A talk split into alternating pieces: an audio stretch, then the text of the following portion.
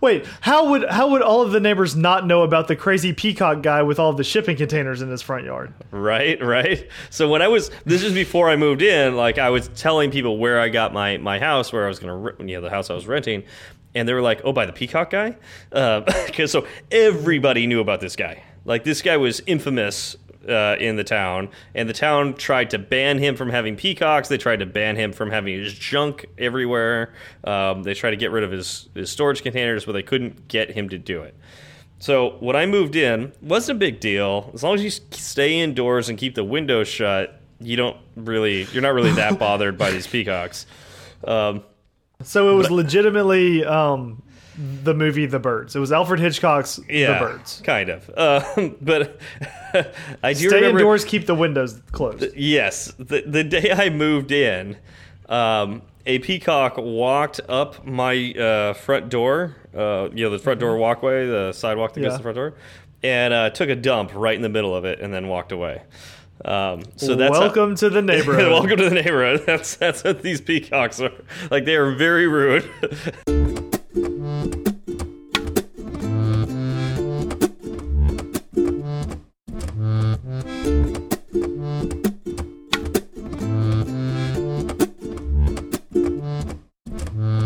What's up, y'all? I'm Zach. And I'm Steve, and this is Fireside Swift. So it's been a little bit. Yeah, yeah, and I kind of feel bad about that. Um, I was on vacation last weekend, and uh, the day that we said we were going to record, I was still driving when we were supposed to record, trying to drive back home. Um, and then so, and then just like the next time we tried to plan it, just didn't work out. So it's okay. So those are lies. Um, oh, are they? well, when when I called you, you were not driving. When I called you, you were at your parents' Good point. house. I had just taken a break at my parents' house. Yeah. So, but I wasn't home yet. I was going to be driving further. That's what I was thinking about it. And, I was technically still on the road. And in which city were you vacationing in?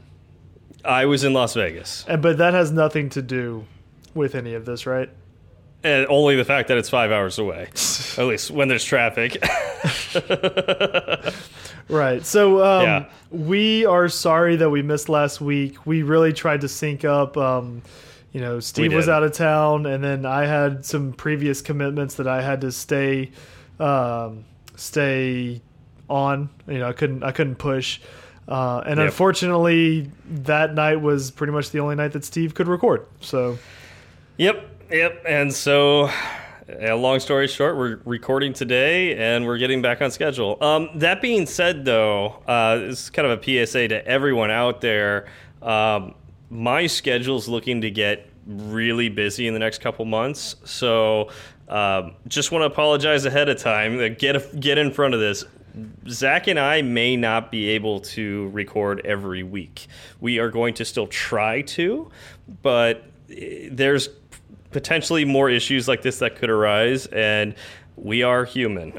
so yes. he was reading me yeah. his schedule before we started recording and um, it's looking bleak. yeah. So again, we are going to make every effort to record every week, but um, there's just going to be some times that we can't make it happen. And uh, we're sorry ahead of time, but we're going to keep trying to deliver a quality product. Um, you know, the product being this podcast every week, um, at least as much as we possibly can. Yes, we we love interacting with you on a weekly basis, um, and we don't want that to go away. So we're going to do everything we can. Uh, wish us luck, basically, is what it comes down to. Yeah, yeah please, yeah, yeah. It's a. I guess one of the negative things about working for a startup. I mean, I love working for a startup, and I love what I'm doing, but man, there are just times when you just don't have a life. there's there's things that you want to do outside of, of work, and you just don't have that time. So, yep. Yeah. So it's his life. We will uh, do our best, but we can't yes. unfortunately make any promises. Yeah. that being said, uh, this week's podcast episode is brought to you by SwiftFest. Uh, we've talked about it the last, I think, two episodes. Mm -hmm. um, and uh, this is a conference that's in Boston, Massachusetts on June 18th and 19th. So that's coming up real quick.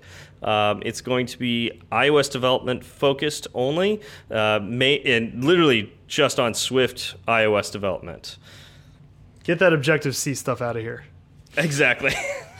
um, and for listeners of Fireside Swift, there is a discount code for 20% off a ticket if you haven't purchased one yet.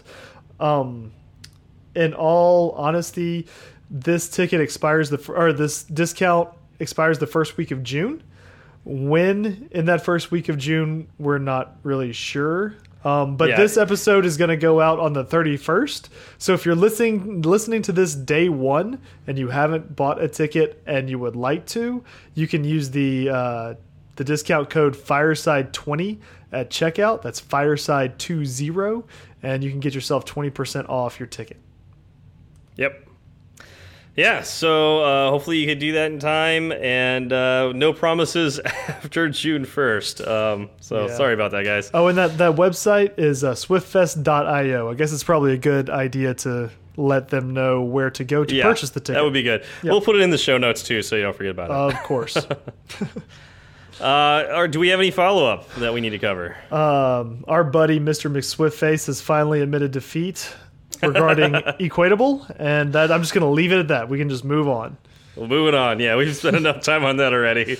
Uh, Yariv, um, let me know on our Slack team that uh, when a view gets rotated, the frame actually changes. The frame is still always a rectangle, but it will grow when the view is rotated. So that's worth noting. Um, actually, the, the frame and the, the bounds change when it mm-hmm. rotates. Um, the bounds also changes when a scroll view changes its scroll offset. So remember when I said something about X and Y are like always zero in bounds? Why do they even put it there?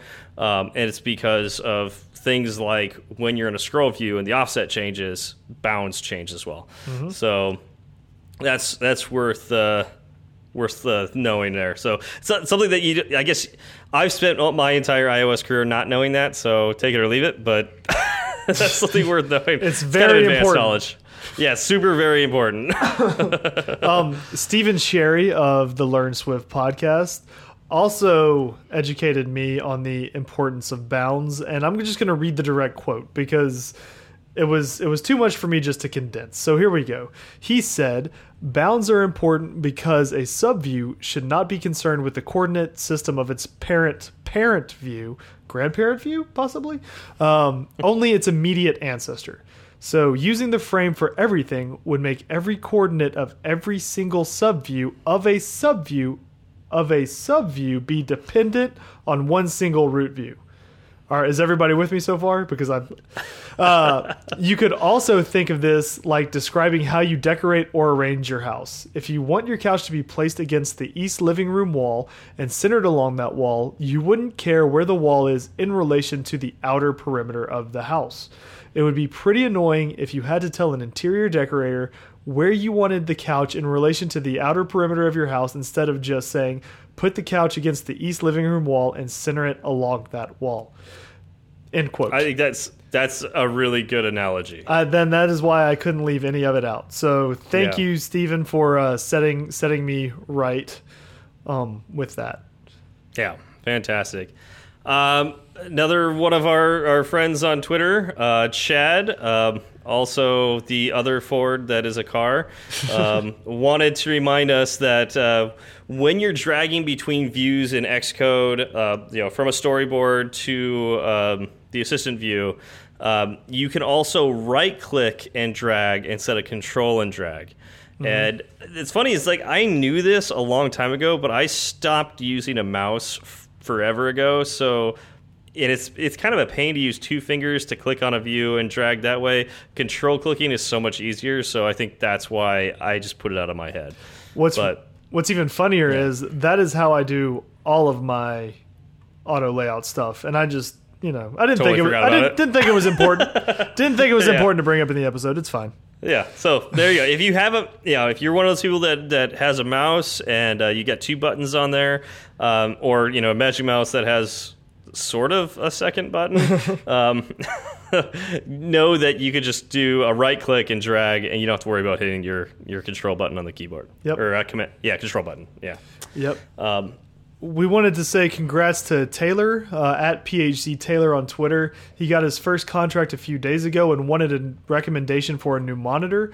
I said I just use a cheap Acer. You know, I just wanted the extra screen real estate after buying the MacBook Pro and all of the associated dongles. I didn't have a ton of cash to spend on a monitor as well, so I just wanted something that would give me more room. Um, all right, so I see what you have in the note here now. uh, I'm not reading that because that's not true. Are you sure? Um, so my my suggestion to him was like, don't worry too much about the extra monitor. Like, if you really want an extra monitor, get an extra monitor, but it doesn't have to be the top line. I honestly, what I was trying to say is, I think too many develops, developers out there say you need to have a second monitor. You need to have a 40 inch screen, and you it has to be so many pixels and all that. You don't need that, especially when you're getting started. Especially when you're on a budget. Don't waste your money on that because the reality is. I made my first three apps using an 11 inch MacBook Air. Um, and I did not use an external monitor. I got my first couple contracts and earned the money, and eventually bought a second monitor, bought a larger MacBook Pro. Um, and so, like, I, I don't think to be an iOS developer, you don't need six screens. Like you don't, or you don't need a screen so large that you you got to turn your head to see the whole thing. Um, but it does help. And and I will say, like, I do operate with two monitors. I've got a really cheap Acer monitor sitting next to my MacBook. Uh, right now, I'm actually reading my notes off of it because I, I use the main screen of my Mac for my programming because it's prettier. You know, it's got, you know, I, and I, I'm used to using that, but I also use Spaces as well. And Spaces are just like having a monitor right next to your other monitor. And so I've gotten used to using Spaces, especially if you use the touchpad or yeah, if you use the yeah the touchpad, that's what it's called. Um, and use the gestures with that. It's really easy to move between spaces, and it's like having extra monitors. So that's where I was going with that. yes. Well, uh, not that I hate more space, Zach. You hate more space um, and doing things the easy way, um, which is why you live in California. Anyway, um, E-Man suggested a 34 inch curved LG monitor, which looks nice. Uh, Tony said he loves his twin monitors plus his keyboard, and Mr. McSwiftface said working on his 5K LG was bliss. So, so what, whatever works for you, whatever you can afford, but you don't need an extra monitor. And just to all the listeners, I'm curious because you know there was a wide variety of answers here. You know, what do you use? Let us know on Twitter because I'm I'm really curious. are yeah. you like are you like I'm, Steve yeah, who who doesn't care for you know ease of use and um, just better quality of life, or are you like everybody I, I, else? Well, see, this this makes me feel like we're being elitist here. This is why I don't like this discussion. I, I actually really don't want to hear from from any of you guys uh, because, in all honesty, it is interesting, but I'm really more concerned with how you get your work done and the, and we I, don't need like you don't need to spend gobs of money on an extra monitor to get work done. No, you, you don't need so, to. But so I I would like to hear from the people that don't spend thousands of dollars on monitors. I'm really curious how many people are out there that buy MacBook Airs like today and program on those because honestly you can do that and you can you can be an iOS developer on a budget. And yes. I'm more curious about those people than the people who spend thousands of dollars on external devices yes, for doing this. You can. I'm just curious as to what people's setups are because I've got my one monitor. I would actually I think one is probably good for me. Come to think of it. So the yeah. the MacBook Pro and the one monitor, that's kind of my sweet spot. I think. And you and you keep your MacBook Pro open or closed? Open. You keep closed, right? Oh, open. open. Okay. Open. So you do like I do. You've got another cheap monitor next to you, and you. That's you it. Kind of move between. Yeah. And I don't need it to be, you know, top of the line. I just want I just want the real estate. Yeah, I, I think I bought this this monitor for like a hundred bucks or something like that, or maybe even less than that. That's that's so, about where mine was. Yeah, you can you could definitely do this on a budget. There's no reason to spend so much money. Oh, well, I won't say there's no reason. There's definitely reason, and if if that's how you want to spoil yourself, go ahead and do it. Um, you do you. But um, I don't know. I, I think there's too much bragging out there about this that it, you definitely don't need it. Is kind of where I'm going with this. Don't no. feel bad because you don't have so, a giant curved monitor. Right. And I'll I'll agree with you. You don't need it, not at all. Um, yeah. That being said, I do think having an extra one is nice. Yeah. And if you really think about the default that you get when you buy a MacBook Pro, the default is the screen itself, right? Right. Yes. And and and you're the user of that computer. Being the user so, and and seeing the default, you know, that's just that's how so Apple you, sells it, right?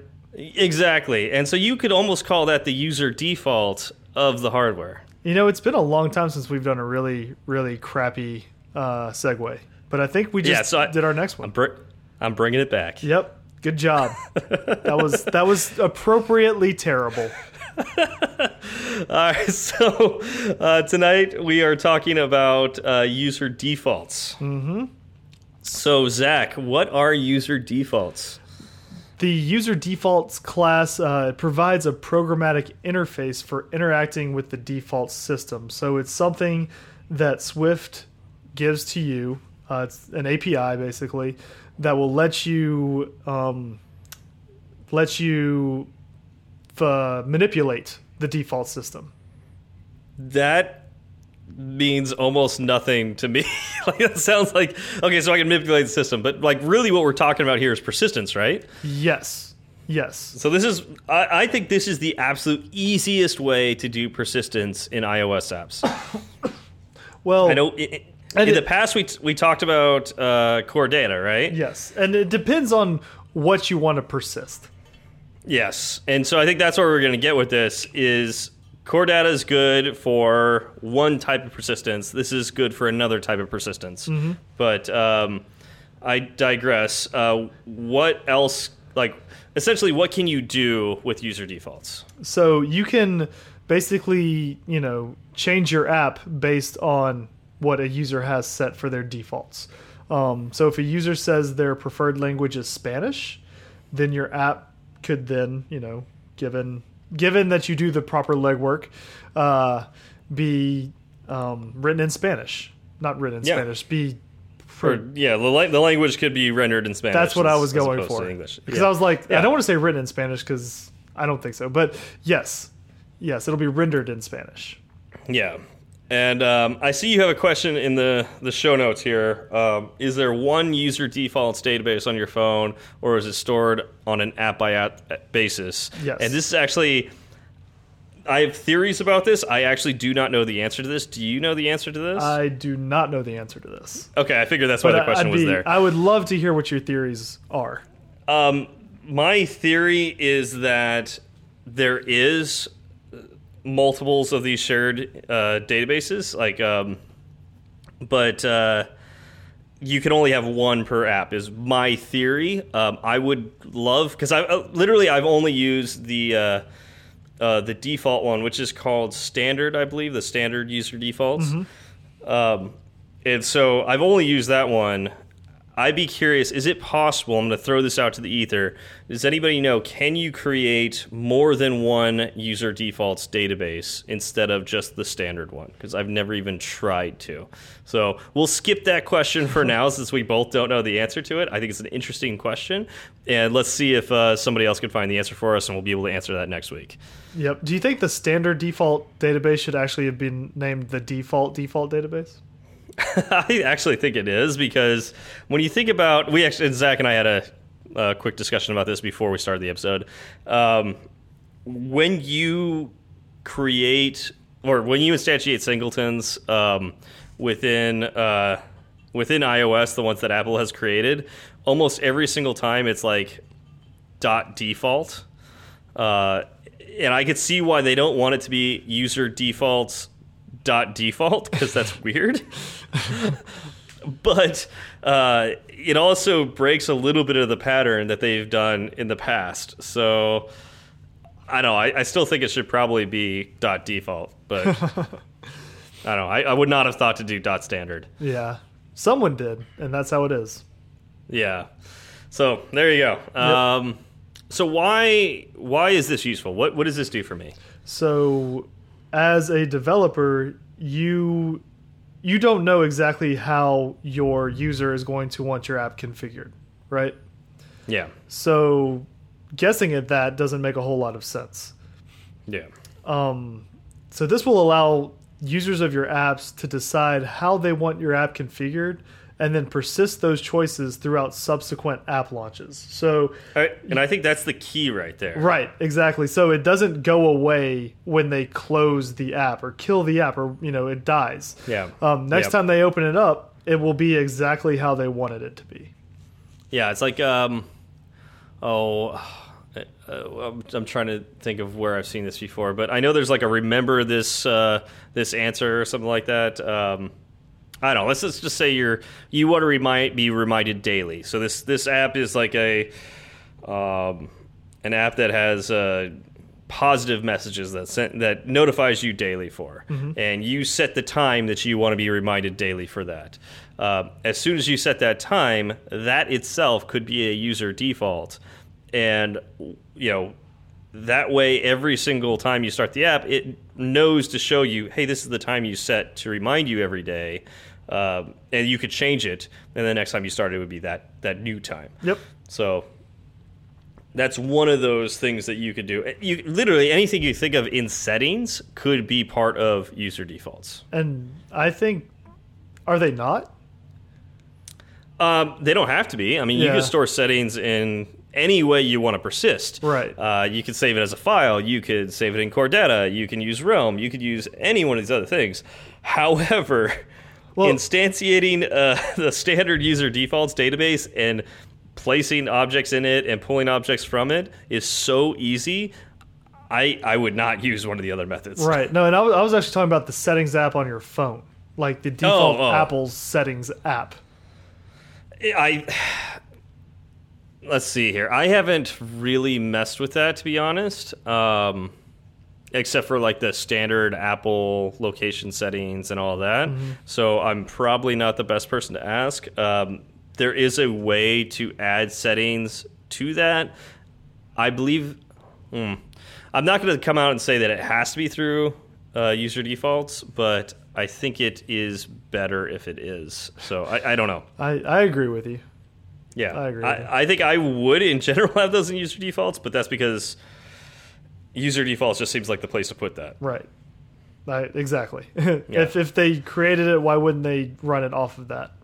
Exactly. But I I, I don't know if it seems like that's something that settings would only have access to. That settings would not have access to any of the other ways to persist data, and so it would make sense that user defaults is done the way it's, it is.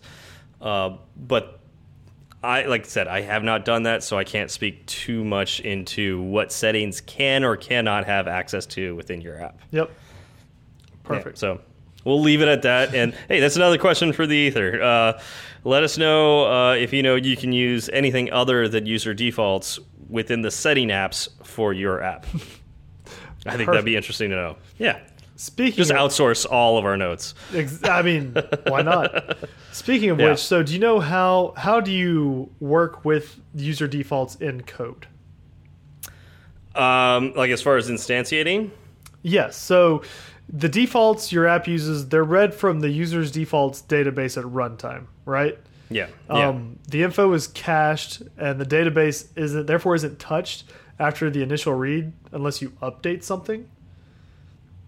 Uh, uh, well, I don't know what happens behind the scenes, um, nor do I really care, to be honest. well, yeah.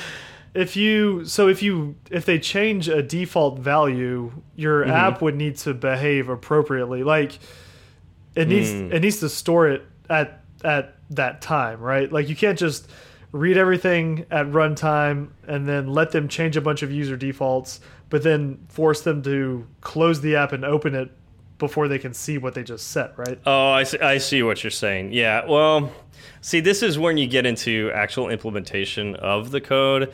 Um, so when I'm thinking about like something I save into user defaults, we'll use the um, the time I mentioned before. So let's say that's a, a time picker, like um, like a date picker or something like that, but it's it's just time. Uh, so I use that little scroll wheel and I select the new time. As soon as I select that new time and it saves to user defaults, on that view, it's already on that time. So I don't need to change anything. But I what I do need to do is when it stops on that time and I want to save that, I need to call the set method on my user defaults to save that time into the object that I'm saving. So mm -hmm. let's say that's a um, a Unix timestamp. So that's going to be like uh, uh, on iOS that's seconds. So you would just do that as an int. Um, or a double or something like. Oh, yeah, I think that would be. I think they save it as a double. So, um, yeah, so you would just save it as a double in uh, user defaults. Mm -hmm. The next time I go to that view, obviously, what I'm going to try to do is I'm going to try to read anything that's saved there, and so at that point, I would be pulling from user defaults. Right. Um, if you need other parts of your app to update, let's say I'm displaying the time that. Uh, uh, that gets that's going to be you're going to be notified on like the main screen, and that's on the view prior. Let's say it's um, a UI navigation controller, and I've pushed the settings view on top. I'm changing the the time on there, and then I'm going back. I think this goes to what you were talking about, where this is not necessarily going to update because I changed the user settings and I went back to uh, the previous view, it didn't necessarily hear that that changed. Right. So now I've got to decide how I want to inform that previous view that it changed. Um, and there are several ways to do that. Um, I think you have an idea in mind, so I'm going to let you do that. But um, there's a couple ways that we've talked about in the past that you could also use. We've talked about the delegate method. We've talked about notifications. You could use either one of those. Or when you get back to that previous view and a view did appear, that's when you could call for the user defaults again and update any views that have to do with that. You had another idea. What were you thinking? What was my other idea? Because I think you were going to talk about uh, like observing oh, the uh, the keys, correct? There you go, skipping ahead in the notes again. Well, you asked about it. Come on, man. Yeah, yeah. No, let's let's. I'm gonna go with I'm gonna go with the conversation over the notes every, every time. let's wait until we get to that point. Uh, well, you asked. Why? I'm gonna blame you for that. Okay, you know what? That's fine. That's fine. All right, so let's get into the nitty gritty. And I just spoke a lot, so I'm gonna let you do a lot of speaking here, Zach. Sure. Um, um, so how do you how do you set values? Well, let's back up a little. I think oh, there's, th there's there's a couple things to keep in mind, right? Uh, okay. User defaults are stored locally on a single device. Yeah. So if you have the same app on your phone and your iPad, if you're just using plain user defaults, their settings or their defaults won't uh, be connected throughout each device. If you would like to do that, then you need to use NS Ubiquitous Key Values Store. And so that class will allow you to store the defaults in iCloud and then sync them across other devices that have access to that account. So this is not a part of user defaults. This is used instead of user defaults. Exactly. Exactly. And this this is essentially using iCloud, correct? Yes. Yeah. You have to okay. you have to you know work with iCloud to get this to work properly. Um, cool. And before we do anything, you need to remember that you need to create an instance of the user defaults class. So, you know, let defaults equals user defaults dot standard. Um, unfortunately, not dot default as we discussed yeah, before. I know. Yeah. so, uh, so the user defaults class, it's got an overloaded set function. Um, so you can call set any four key string, and uh, it's basically a key or a dictionary, right? So you've got your yeah. you got your keys, which will be a string, and then you have what you want to set for that string that is a key. Um, and you can use an any object. You can use a float, double, int, bool, even a URL, if you'd yeah. like. Yeah, and that's what makes this so easy. Is for just any object, you could say set this object for the key, and the key is a string. Now, this is a part that I'm not a huge fan of, but you get used to. These are hard coded strings. So you might want to put them in some sort of shared file where you have all your strings. Uh, so, or, or if it's always in one file that you set and retrieve, then you hard code those strings there, but that's just something to keep in mind that this is something that is a string, and if you make a typo, if you're typing the string over and over again, you make a typo, it will fail.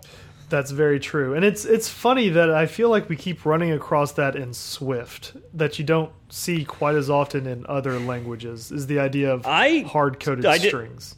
Oh, I disagree with that. I feel really? like um, Swift has significantly less of these than in, say, web development uh, or Java. See, I, uh, I work in Java web development, and we don't have too many things that are hard coded. Uh, in fact, we actively stay away from hard coded well, strings. Yeah, see, th there are methods to keep you away from this, but man, when I'm thinking of like the, some of the Angular stuff I've I've worked with, it's nothing but strings. In fact, you've got no help at all. Like you're writing your code in a string. it's like. It, you don't get any help from mm. the compiler at all because can, it's like string. I can see that. Yeah. Uh, I haven't done a lot. Of, I've I've had training in Angular, but no actual development in it. But yeah. It, I I can see that.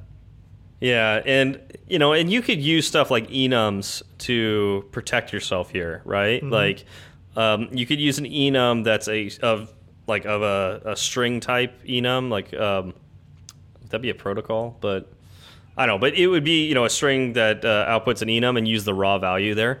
Yeah. And so now you're now you're not using hard coded strings. You're using an enum, but that's a that's a little more advanced and heck, if that's uh, if that's something you're curious about to get away from hard coded strings, start thinking about using enums more um, with uh, strings as raw values, and that should help you out. Yeah, I like that. I like that idea. I'll, I'll take a look into that. Yeah. Um. So yeah, the set function is basically the same across all of the objects. It's set followed by two parameters, with the first being the value, um, and the second being the key, which will always be a string. Um, yep. Something that is interesting is that because the set function, um, there's a set function that exists that takes an object of type any, you can use it with things like arrays and dictionaries. So you can have a default dictionary. That's that's really cool, but makes me wonder like how deep can you go with this? Right. Um, I just, what was the? I can't think of it right now, but. Um, Oh man, the NS Archiver or something like that. Uh, um, I think it's Keyed Archiver, isn't it? Key, yeah, Keyed Archive. That you had to make sure that every object underneath adhered to Keyed Archiver or Keyed Archive or whatever it's called. Yeah. Um, I I, be, I just be curious how deep you can go with this. Can you have a dictionary that contains an array that contains a dictionary that contains an array and contains other objects that are not you know, easily broken down into primitives. Yep. Um, like how deep can you go before as long as you can pull it out i don't know it's just that that's something that's curious to me or does swift figure that out for you yeah and i think another thing to keep in mind with user defaults is you probably wouldn't want to store something like that in oh, user yeah. defaults because it's it's meant to be lightweight yes. Um, you're not going to be shoving something that's massive inside of user defaults and then retrieving it well well, you wouldn't. You may. You wouldn't you may, want. You may think that you you would. Yeah, you would think you wouldn't want to. Best. Um, how about how about this is the new thing we're going to say on the show. Best, best practices. practices. Yeah. argue. That's the way against. to say it. yeah, uh, yeah. Because I, I can think back because uh, Android has something similar to this, and um, man, I've seen all sorts of stuff shoved into uh, essentially the the user defaults. I forgot what it's called in Android though. Um, but yeah, so I've seen projects where people put entire databases into the user defaults, and it's like, well, that's what core data is for. But I guess if you don't, if you don't want to deal with core data, you could store large amounts of information in user defaults. Yes, yes, you can. If if if you really want to go that route, I don't suggest it. I, do think it's capped at a certain amount, though. That's something that um, I oh, I forgot to look up before this, but I do think it's capped at a certain amount. And if anybody knows this, also another thing. Let's outsource our notes here. Let's keep going. Too. Let's yeah, um, let's keep yeah. it rolling. let us let us know if you know that uh, user defaults get capped at a certain value amount. I I vaguely remember something like uh, uh, there's a certain value out there. I, yeah. I don't I don't want to throw out numbers, but you know there's something out there. I think it's limited to we can start handing out fictional fireside points. There we go. For, for people that answer the questions. That's a good idea. Yeah, they don't do anything. You can't buy anything with No, them, but they're completely useless. It's like a it's like a new crypto coin. It'd be like the Fireside coin, Mm-hmm. Exactly. except this is like worth negative point negative uh, money Mm-hmm. um, because you're taking your time to give it to us. Uh, we're just giving you a fake value for it.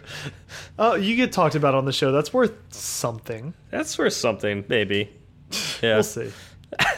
okay, so now we have our objects in user defaults. Now we need to retrieve them. Yes.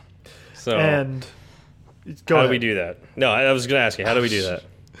Um, basically, you're calling um, another another function, and the function's name is going to be the object you're trying to retrieve. So if you are uh, trying to retrieve a dictionary, the function Yep. will be named dictionary, and then the parameter will be for key, which will be of type string. Um, so if you were if you wanted to string, you will do string for key uh, for key string, right? Yep. Um, and now a lot of these will return whatever object is associated with a specified key, or they'll return nil if the key does not exist or its value is not in the array. So you need to remember that. Like you'll be working with optionals a bunch. Yep.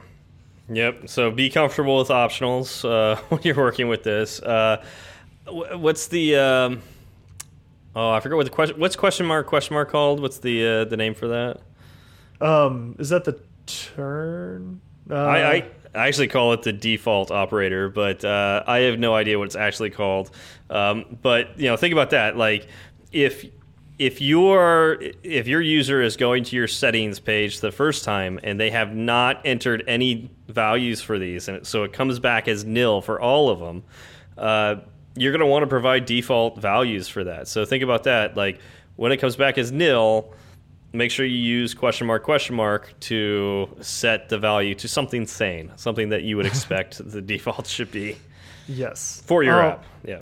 And there are a couple of really interesting ones that um, they don't return nil. And what they return is something that I feel is confusing. So, say you have a Boolean in your user mm-hmm. default. So, you call mm-hmm. bool for key, whatever your name is. So, mm-hmm. that will either return the Boolean value. If, if it doesn't exist, the method will return false. Yeah. So does that mean that your default was was false or that it didn't exist? Yeah. So make sure your default is false on that one. Right? And Yeah. And so like it, the same thing goes for integer, float and double. Um so you'll either get the associated value or, or zero. it'll return 0. Yeah. That's too bad. I'm surprised. I thought that would return nil. So that's that's a little depressing that it returns zero. I didn't know that.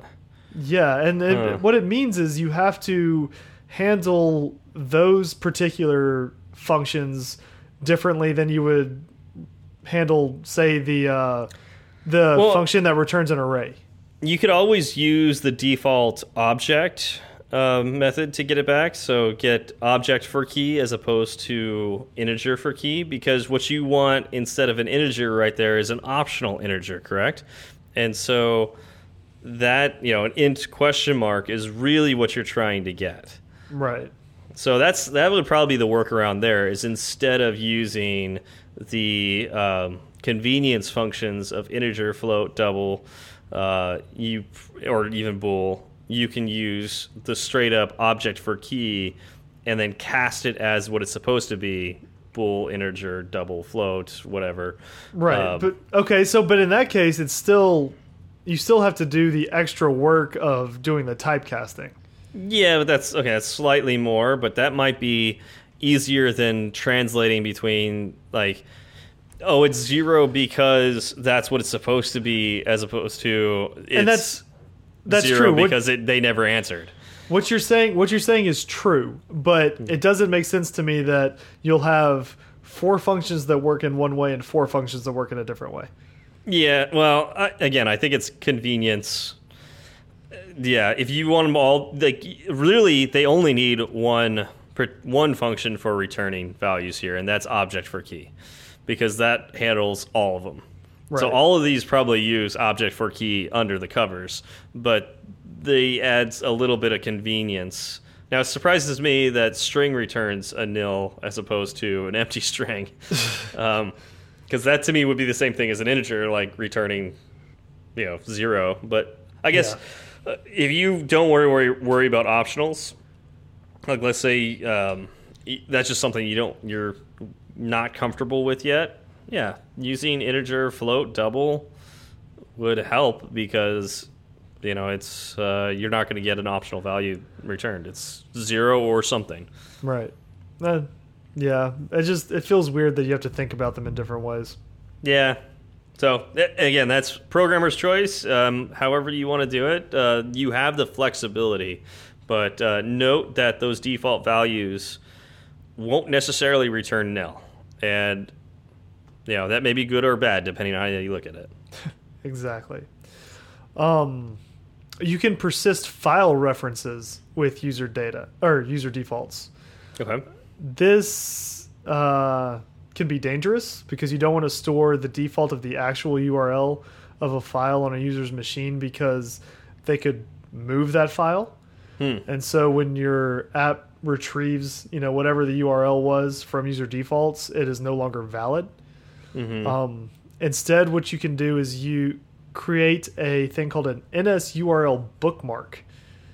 And there is uh, there's a function called bookmark data, and it takes in a variety of of parameters. Um, and then you can persist that using the set whatever for key method.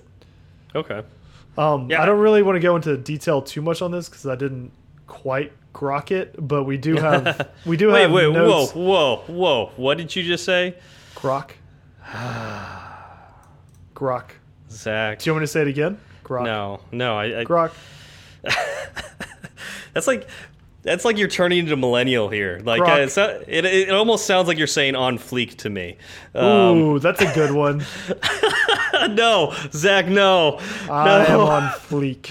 Uh, yep. Uh, all right definite fleekness I'm, I'm, is I'm, happening. You don't see here. me shaking my fist at you, but I'm shaking my fist at you and telling you to get off my lawn. That's fine. Shake all you want.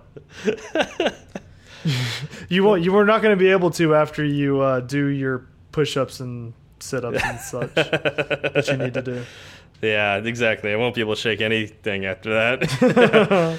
uh, all right. Anyways, um, back to here. So yeah, that's interesting. I haven't. Um, I haven't done anything with uh, saving URLs um, into uh, user defaults.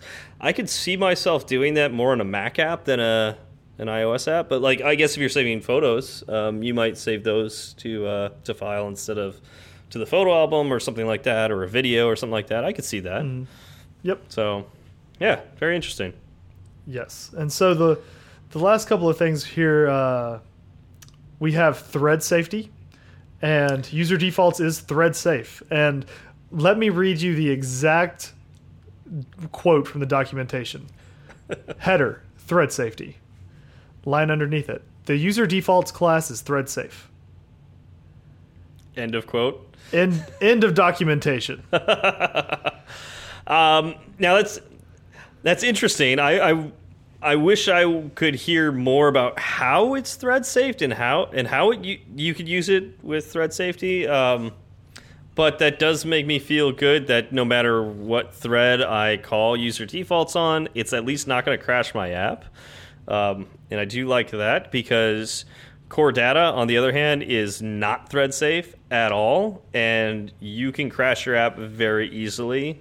Um, by accessing something you shouldn't on the wrong thread.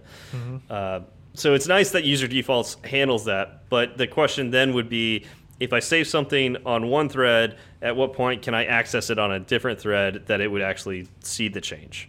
Yep. And that's kind of up in the air, right? So yes. And yep. then we have uh, responding to defaults change, which you kind of covered earlier. And then you wanted me to talk about key value observing, but it clearly says Steve talks about this in the notes. yeah, I wonder who wrote that. Um, that's no, hey, I, that's the best part about being able to write the notes. So I don't know if I could speak too much about this. Um, I have not used um, any uh, key value observing with uh, user defaults in the past. Um, I will say I'm using the uh, I am using value observing quite a bit now. Uh, just I've just gotten used to doing it in my everyday coding, where you make a variable, and then um, after you have uh, instantiated it, uh, you you start with the brackets and you put did set in there, and then you could anytime that variable changes, you can actually use that. Or there's also will set and and, so, and you know other different things you can play with that. Mm -hmm. um, mm-hmm. I don't know. Have we ever talked about that on a previous episode? No, like the life cycle events. Um, well, it's not a life cycle event. This is uh, has to do with. Um, variables in Swift, and uh, it's it's really value observing. So um, maybe it's something we need to talk about in the future because right. I'm not going to I'm not going to give it enough justice right now. Yes, and, I, but, and I, what you yes what you said is correct, but I always think yeah. of like view will set, view did set, which makes me think of life cycle of a yeah, controller, which is why that comes out. Same yeah, thing for app in your app delegate. Yeah, so I guess it can be kind of a variable life cycle, but I don't want to think about it as a life cycle because it's it's really just you're observing when the changes to right. that that yeah. variable happen. No, yours um, yours is yours is more correct. Yeah, so I've been using that more, and I I can see how you can um, uh, register an observer to uh, uh, you know.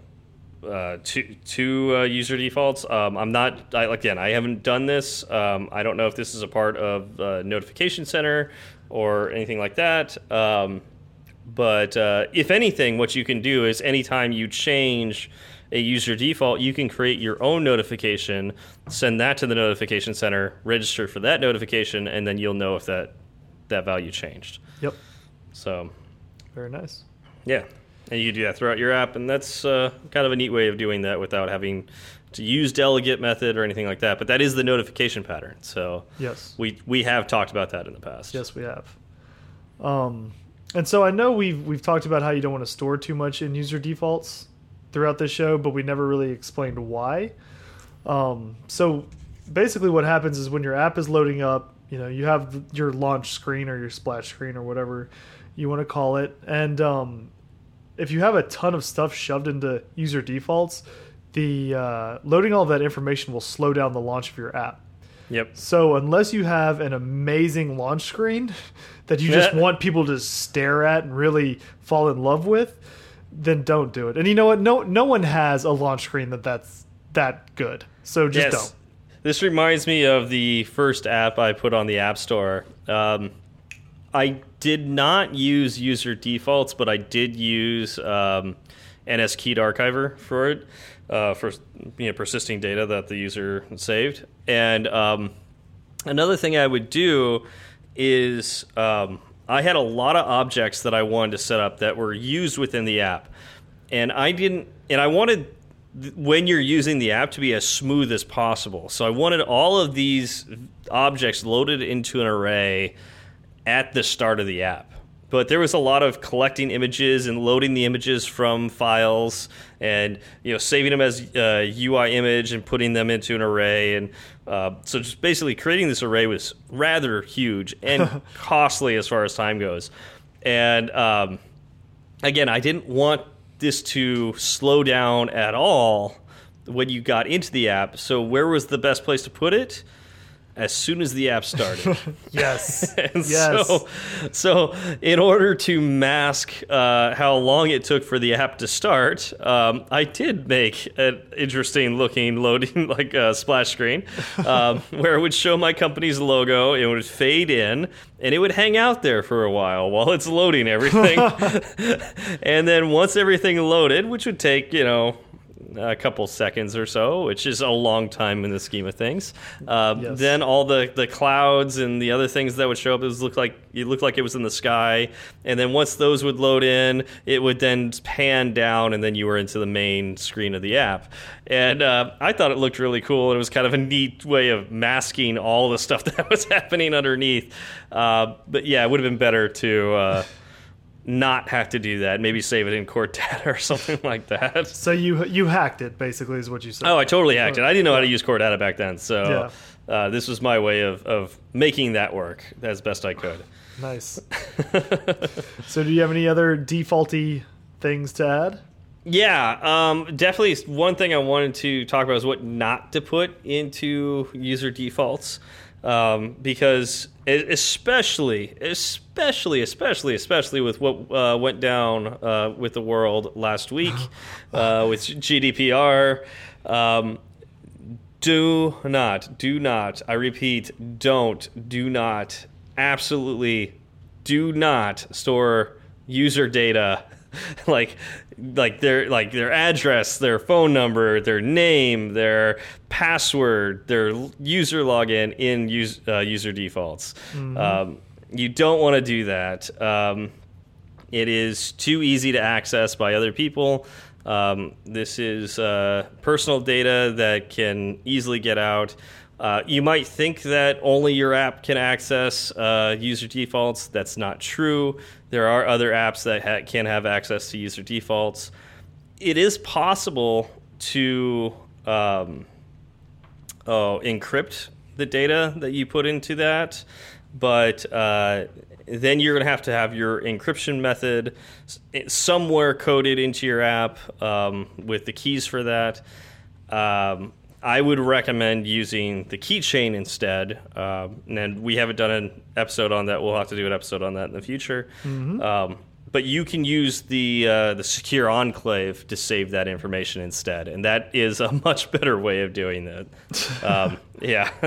so please, please, uh, I mean, I know it's the easiest thing in the world, but do not save your uh, like the username and, and, password into user defaults. Uh, yep. Just it's just I know it seems so easy, just don't do it. Good call. Yeah. All right. Uh, that I think that's that's all I have.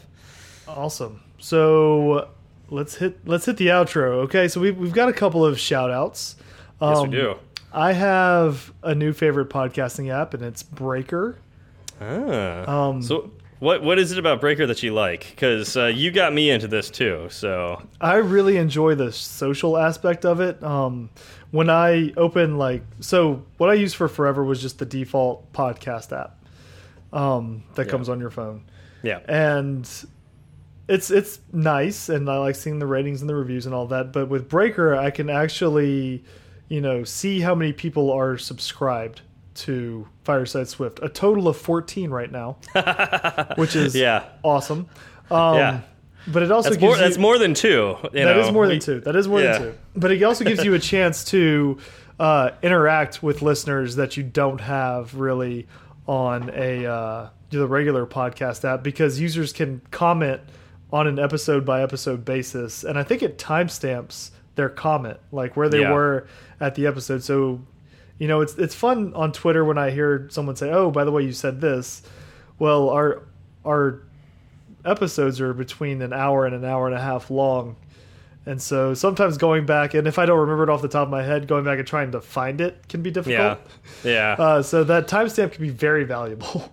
Yeah. Um, I, you know, I I just got on Breaker a little while ago um, from your suggestion, Zach, and uh, so I'm still exploring. It does have. So I'm a long time Overcast user, and I'm not sure what it'll take to get me off Overcast. Um, but I, I do want to explore Breaker a little bit because I do like the social aspect of it. I think it's an interesting way to find new podcasts out. Like, mm -hmm. um, because you can follow other people. It's kind of like Twitter in that sense. Like they could follow you, you could follow them, and you could see what podcast they're listening to and it's like well maybe i'm interested in that podcast. And so you know i respect this person and they're obviously they like this podcast. Maybe that's something i want to listen to.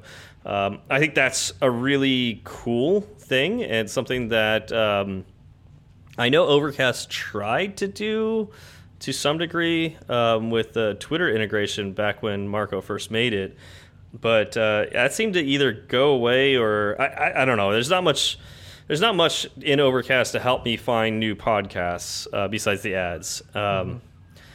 So uh, I, I, don't know, and there's, there's, something to be said about like privacy and whatnot. But um, right now, I I think it's a good thing.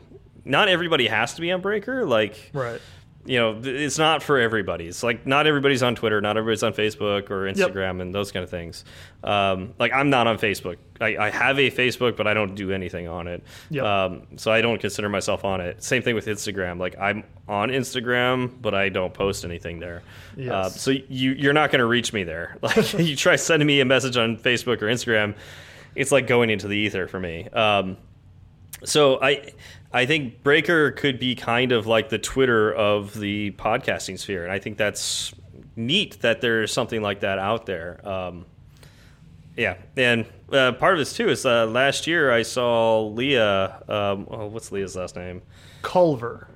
Culver. So I saw Leah Culver speak at AltConf. Um, so I'd expect uh, them to be there this year. Um, you know, hopefully uh, talking about the success of Breaker instead yep. of that it was just an idea that they were just getting started on. That would be awesome. I'm um, I'm anxiously awaiting to see what happens with that app. Um, something really cool that happened today is you and I are both on Breaker, and someone subscribed to Fireside Swift, and yeah, we, we got a notification.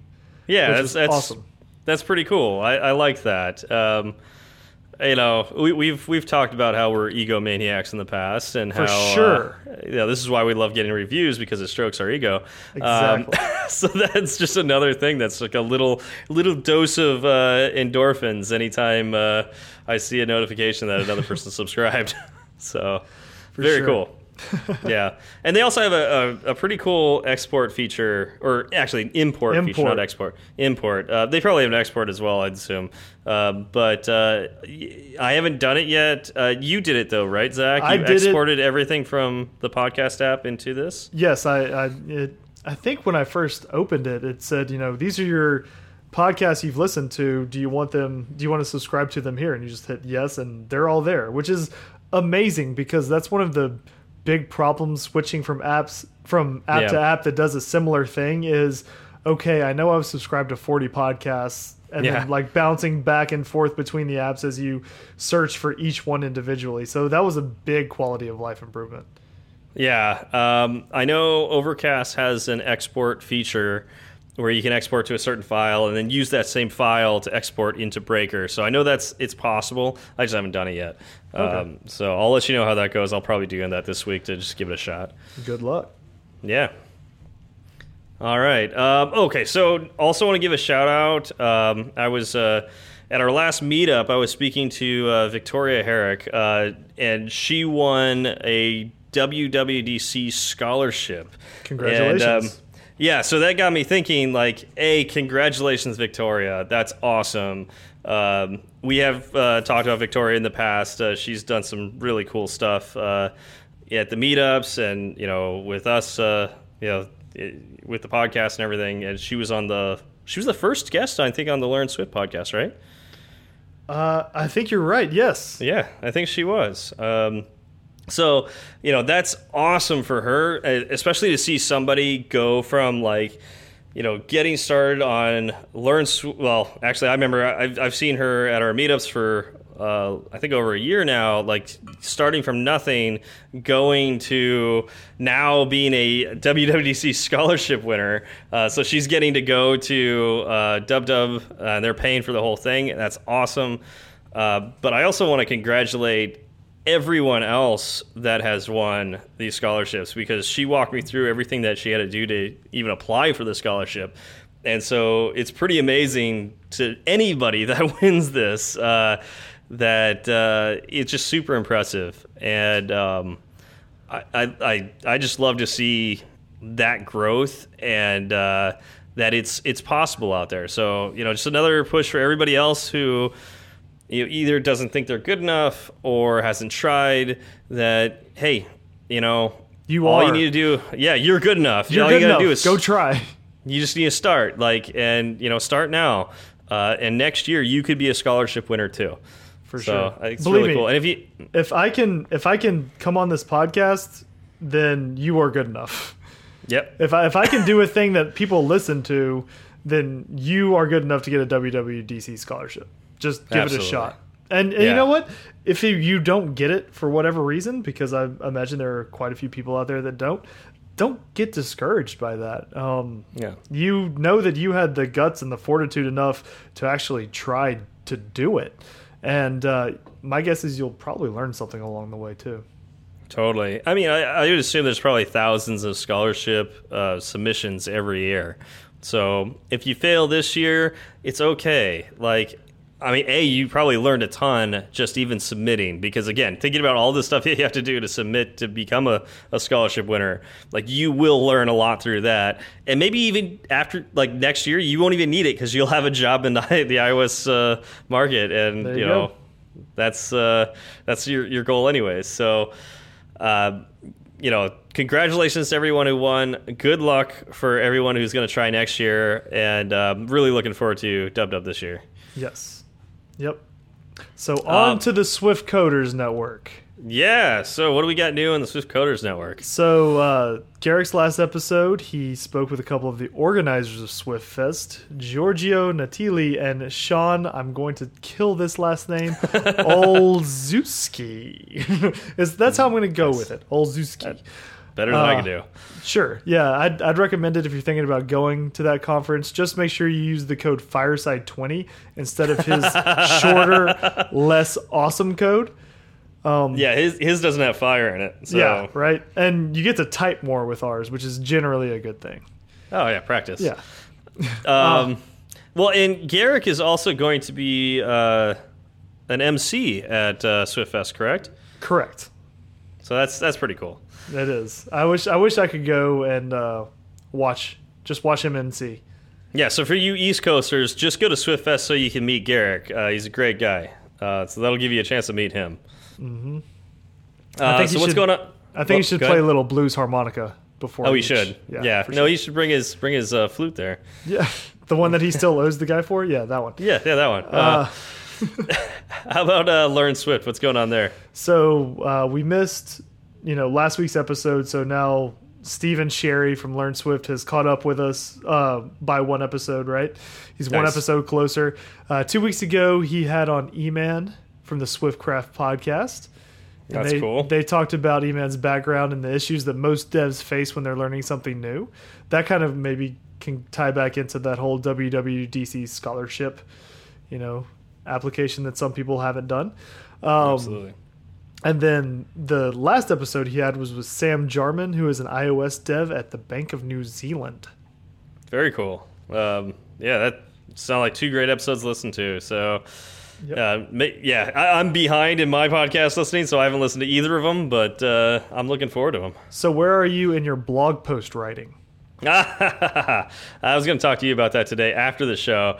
Um, but actually, no, this is great. Um, so one of the things I've realized about myself is I hate writing blog posts. Um, I think I've mentioned it before that I dislike it. Um, I think I actually have moved to hate writing blog posts. It's just not oh, something no. that I like doing at all. Um, so that being said, this is something that I want to continue doing, but don't expect a lot of it. Um, and I think this is I think it's okay. Now, you know, you may not feel the same as me, but you know, we all live different lives. Um, I don't think we all have to like to do everything around uh, the world of development. We don't all For have sure. to be blog post writers. We don't have to be. We don't all have to have a, a podcast. We don't all, have to be great at Twitter. Uh, everybody's different, and this is one of the things that I'm learning. I don't enjoy doing at all. I do want to do some blog posts from time to time. I just think that it's uh, it's going to be pretty rare for me to write those, um, and uh, really, I think uh, will be best is to get somebody who does like writing blog posts to to come in. We do have a platform for you, uh, like Luke. Uh, Luke came in and he wrote a great blog post. Um, and uh, we definitely want to support more people. So uh, if you're interested in writing blog posts, uh, we've got a platform for you. Uh, it's just not something that uh, I'll be doing a lot of, to be honest. You know what? That's fair enough. If it's not something, uh, in this case, I feel like you, if you're going to put out a good product, you're going to have to love writing blog posts. And yeah. if you don't, you don't. That's perfectly fine. Yep. I'm I'm kind of middle ground with it. I don't think I'm the best at it, but at times I get into it and I do enjoy it. So we'll see. But if you're yeah. gonna if you're gonna step back a little bit, that's not a problem for me. Yeah, and I think uh, with my schedule the way it's going, um, to do something I don't enjoy that much, or at least make to set something I don't enjoy on a schedule is unfair to everyone else. Because yep. Yeah, it's just it, yeah. I, I I'm finding that I'll do anything else than write the blog post. I'll go clean the apartment instead of writing the blog post. Wow. Uh, yeah, yeah. I'll do anything else. well, uh, I won't hold you to it. Don't worry. oh, thanks. Um, anything else that we want to talk about, Zach? Yes, real quick. I know we've already done shout outs. I want to add one more. Um, to everybody who came out to dinner with me at Torchy's on Tuesday uh, Eddie, Chris, Daniel, and Michael. We had a great time. Um, talked a lot about Swift, ate some awesome tacos, and I'd like to do it again soon. Awesome. So now Zach has officially entered the world of leading a meetup. So congratulations, Zach. I mean, if you have tacos there, I'll pretty much show up. Yeah. I, there's a meetup that's here in Santa Monica that's every Tuesday night, and all they do is go have dinner. They don't necessarily talk Swift, but they're all Swift developers. And, you know, their projects will come up and they'll talk about it, but it's really just to have dinner and hang out with the community. So that, that is a meetup. Sounds like my kind of people. All right, now yep. we really need to end this episode because it's already yeah. gone on for too long. Oh, yeah, that definitely has. Well, thank you all for coming out, and we'll see you next week. Y'all have a good one.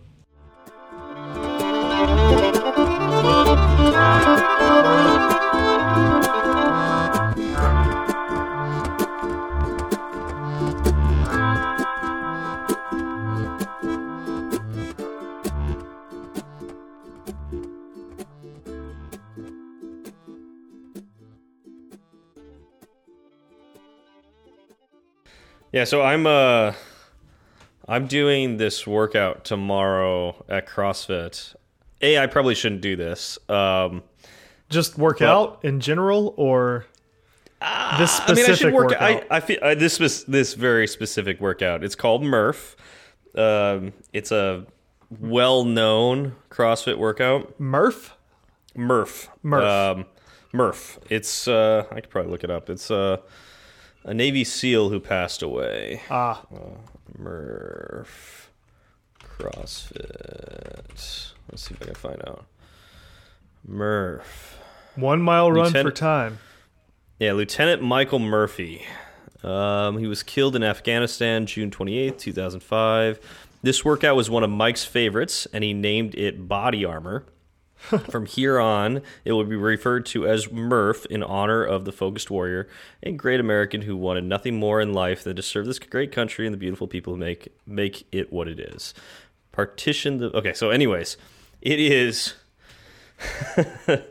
two miles. Yeah, two mile run. It does, it's a nice little sandwich, right? With, yeah, with mile yeah. long run slices yeah, of bread. so a mile mile run, 100 pull ups, 200 push ups, 300 squats, and then a mile run at the end. Yeah. But and you can do the pull-ups, push-ups and squats in whatever order whatever order you, you want to. Yeah, I, I, don't know how our gym's going to do it. Usually the way it's done, I did a half Murph last week and it was broken up in kind of a pyramid form. It was like um, oh, how, I think we did like 10 pull-ups, 20 push-ups, 30 squats, and then 20 pull ups, uh, 40 push ups, uh, 60 squats. And then I think we did then the next step up. So 30 pull ups, uh, 60 push ups, 90 squats. And then we went back down. So, wow. uh, yeah, 20, 40, 60, and then 10, 20, 30. And that was supposed to make it easier. it did, did it? not. Okay. It did not. I don't think there's anything you can do to make this easier. There's just not. Well, there is a way to make it harder. For one, if you just do like you're not allowed to go to the, the push-ups until you do all the pull-ups, that makes it harder. If yeah, you're not, yeah, well, if you're not allowed to go to the squats until you finish the push-ups, that makes it harder. Right, but when you say make it easier, that there's some sort of uh, like there's a connotation that. It's not actually as hard as it is. And no, I, there's nothing you could do. I could do one pull up followed by one push up followed by one squat over and over again until I hit yeah. those numbers, and it would still be terrible. Yeah, yeah. In fact, a, a lot of like a lot of energy is spent in transition, so that's one of the reasons why we did fewer transitions because when you're doing pull-ups, transition, you know, dropping off the bar, getting down and doing push-ups, that takes some energy. Right. And then getting getting up from the push-ups and starting to do squats, that takes some energy. And then jumping back onto the bar, that takes some energy. So there's so, a tactical aspect to everything. Exactly. And oh. so I have no idea how our gym is going to structure. If we're going to do it that way again, where it's that pyramid, where it's like the pyramid of doom, where eventually it gets to be insane, or they just say, "All right, get some chalk out and put little tick marks on the ground and count how many times you do this." I don't know. Um, I, again, I probably shouldn't do it because I know I can't do it, but I'm going to try. So what what happens if you drop out or whatever? Or is there no dropping out? There's no dropping out. So um, you, you take week, as long as you need. You, yeah, you take as long as you need to take. next week, when you're when you're still murphing, we can have yep. a, a, we'll, we a, talk, a mid, we'll have a mid murph check in. Yeah, I'll get like a, a, a chest mic. You know, one of those the ones that they uh, what, what lapel mic. I'll get a lapel yes. mic, and so that way we could conduct the the podcast while I'm doing push ups. Yes. 201. That'd be too many push ups. Squats. Oh, squats. squats. yeah, the squats are the easy part, actually. Um, except yeah. for like those will wear you out as far as um, like aerobic style. Like, you know, I, I get dizzy on squats because I don't breathe properly during them. And so yeah, but those are those are actually the definitely the easiest part of this. Maybe the run could be technically easier, but um, oh yeah, no, give me give me the two runs all day. Yeah, I yeah. could do that, no problem. Yeah. So Although, the, the run, I think it'll be fine. A one mile run after 300 squats would be sounds a little, awful. Oh, would no, be a little noodly legged. Yeah. Yeah, actually, when I did the half Murph, I didn't actually do the half mile run at the end. I was just so tired um, but then again, like we did it in like a half hour and everything was wrapping up. Like I could have gone out and run. Like I wasn't like dead. I, I could have gone out and done like a, a you know, half mile jog. Yeah. But oh, so this one I figure I figure it's gonna probably take me about two hours. as long as they're willing to wait for me, I could do it. Well, it was I'm nice just knowing you. Yeah, I'm gonna try to scale everything though. Like, um, there's no way I'm doing this actual push-ups. Or sorry, not sorry, like Wait, actual pull-ups. So it's like there are ways to scale this down. Like obviously, if you're going to do Murph for like the way it's prescribed, is you do um, either strict pull-ups or kipping pull-ups or butterfly pull-ups. Mm -hmm. um, butterfly and kipping are more technical, but they're easier to do than strict pull-ups. Yes, I've seen butterfly. What's a kipping pull-up? So kipping pull up, um, it's really weird. Um, yeah, it's it takes twice as long as a butterfly pull up because you're when you kip. Uh, how do I describe this with words? Oh, as opposed wait, to I've visually? I've seen the kipping. Maybe I haven't seen the butterfly. Okay, yeah, because the kipping is like a gymnastics move where you're using your arms to swing on the bar, and then you get to where you're basically weightless, and you pull yourself towards the bar and then you yeah. and then you kick forward, and then when you kick back again, you push away from the bar, let it swing you down, and then swing right. up, pull towards the bar.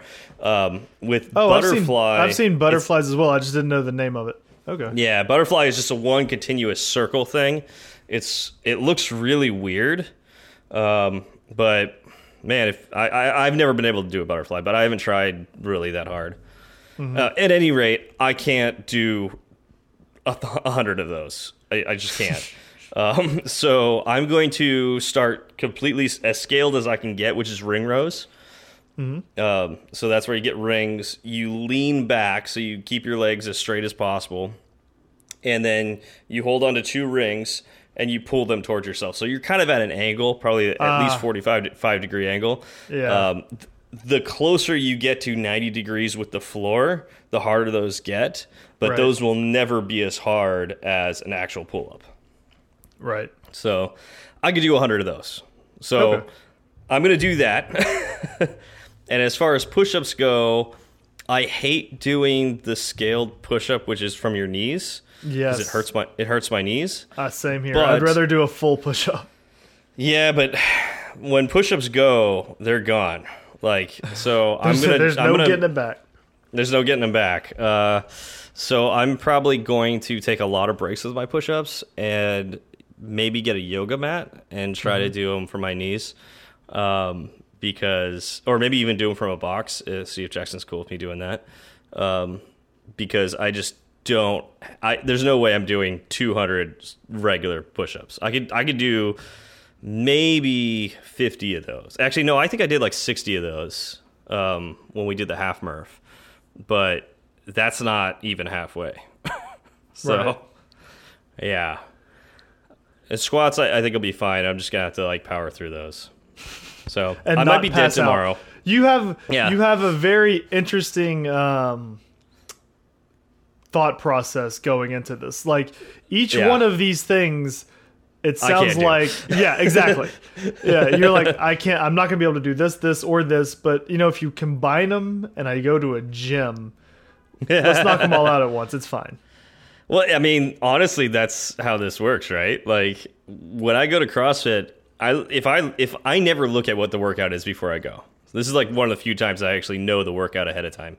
Um, I almost never look at the workout beforehand because I would look at it and go, I can't do that. There's, right. I just can't, I can't, I can't do that. But when you're there and after you've done the warm up, you're like, all right, let's let's do this. Let's see how far I get.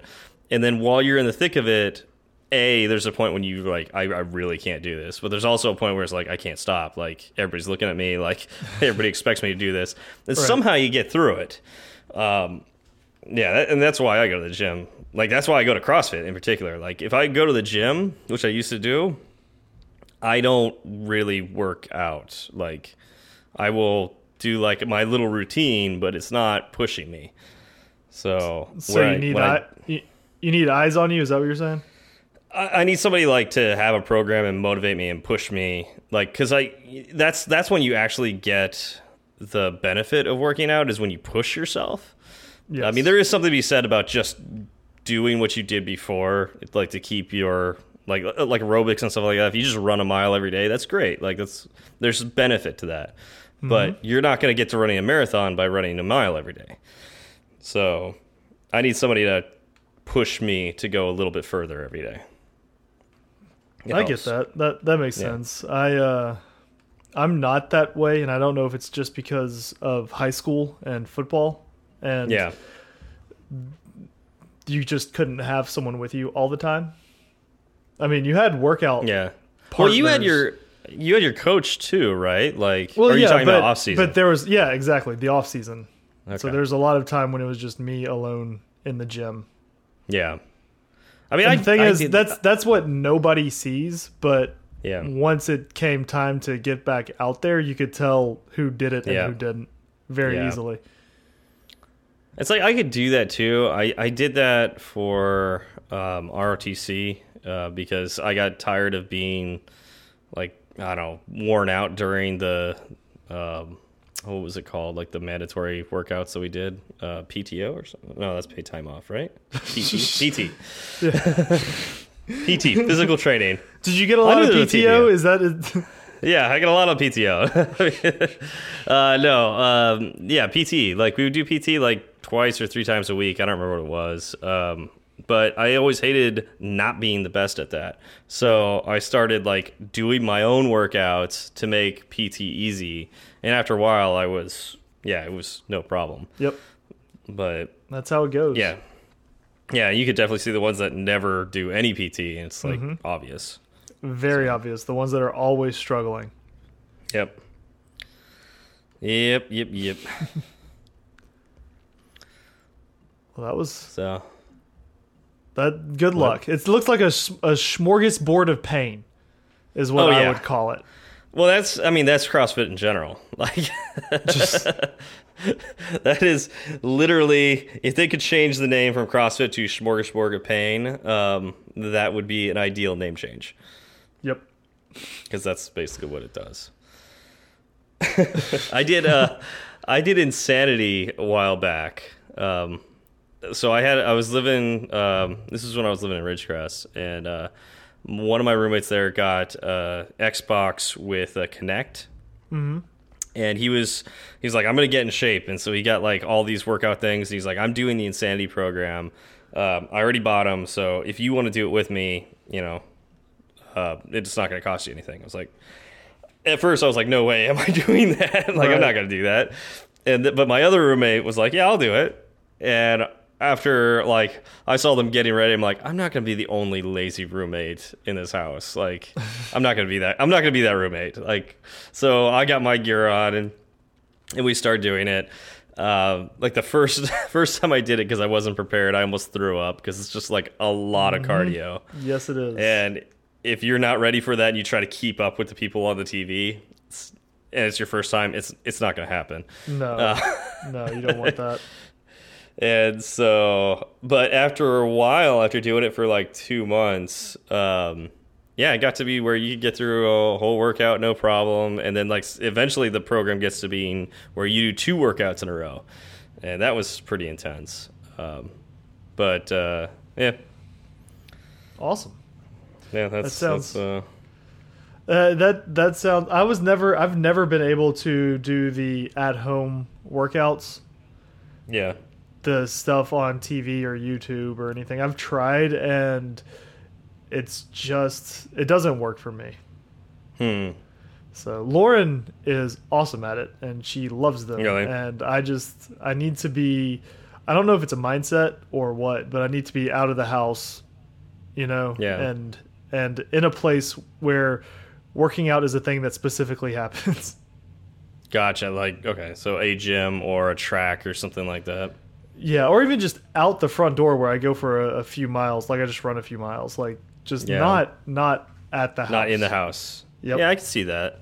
Yeah, it was a little weird working out in the house because uh, it was like in the living room and in all reality, it was pretty gross. Um, You're just sweating. Like, did you, did you have carpet or was it like tile? We, we, had, we had carpet. Oh no! I was I wasn't renting the house, but I thought about it later. I'm like, this is really gross. We shouldn't do this. oh man, that had to yeah. stink.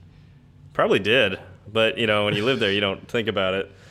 Uh, what yeah. have y'all been I mean, doing in the living room? Yeah, like I don't smell rocky, but uh, you know, I'm sure if you came into my apartment, it would stink like dog. But I don't. I was. Them. I smell it when I come back from vacation. I was at the farmers market yesterday, and there was a dog that looked exactly like Rocky. Really? And I was I was trying to take a picture of him, and the owner looked at me like I was a crazy person for some reason, and walked away quickly. And I was like, "You can't do that." you could you could have asked. It was like, I want to take a picture of doggy. Well, like, so the thing is, I was I was just standing there. I was pushing the stroller. The two girls were in the stroller. Lauren uh -huh. was uh-huh. buying something, and uh, the owner of the the, the, owner of the dog was like two stands away buying something, and I was like, oh, just pull out the pull out the phone, take a picture, send it to Steve. Um, uh. The problem is the dog didn't cooperate, and it turned around and walked under a table, and I was like, ah. And so I had my phone up and like out, and yeah. I didn't realize that the owner two stalls away had completed her purchase and was trying to leave, and I was just there, obviously like pointing my phone at her. uh, it's okay. Awkward. These things happen. That's awesome. You're a creepy person. I am. She just wanted to buy some tomatoes, and I'm just over there yeah. filming everything. I work for yeah. Google. Maybe that would have made yeah. it better. Just yeah, exactly. Facebook. Actually, it would have been better if you said Facebook. oh, I'm sorry. I work for Facebook. I'm that... making sure your profile matches your actual lifestyle. Did you check our updated privacy policy? I'm sure you received an email. Yeah, if we take pictures of you while you're in public, that doesn't uh, violate GDPR. Like, uh, so now we can sell you ads about tomatoes because I found you in, in real life. That's exactly. how that works. Do you think Facebook can toss me a couple of bucks since now they know that story? I'm sure. I would think so. Because yeah, this I would is think so. this is a thing that's going to live on the internet, so I assume Facebook knows about it. yeah, that's how that works. What's up, Zuck?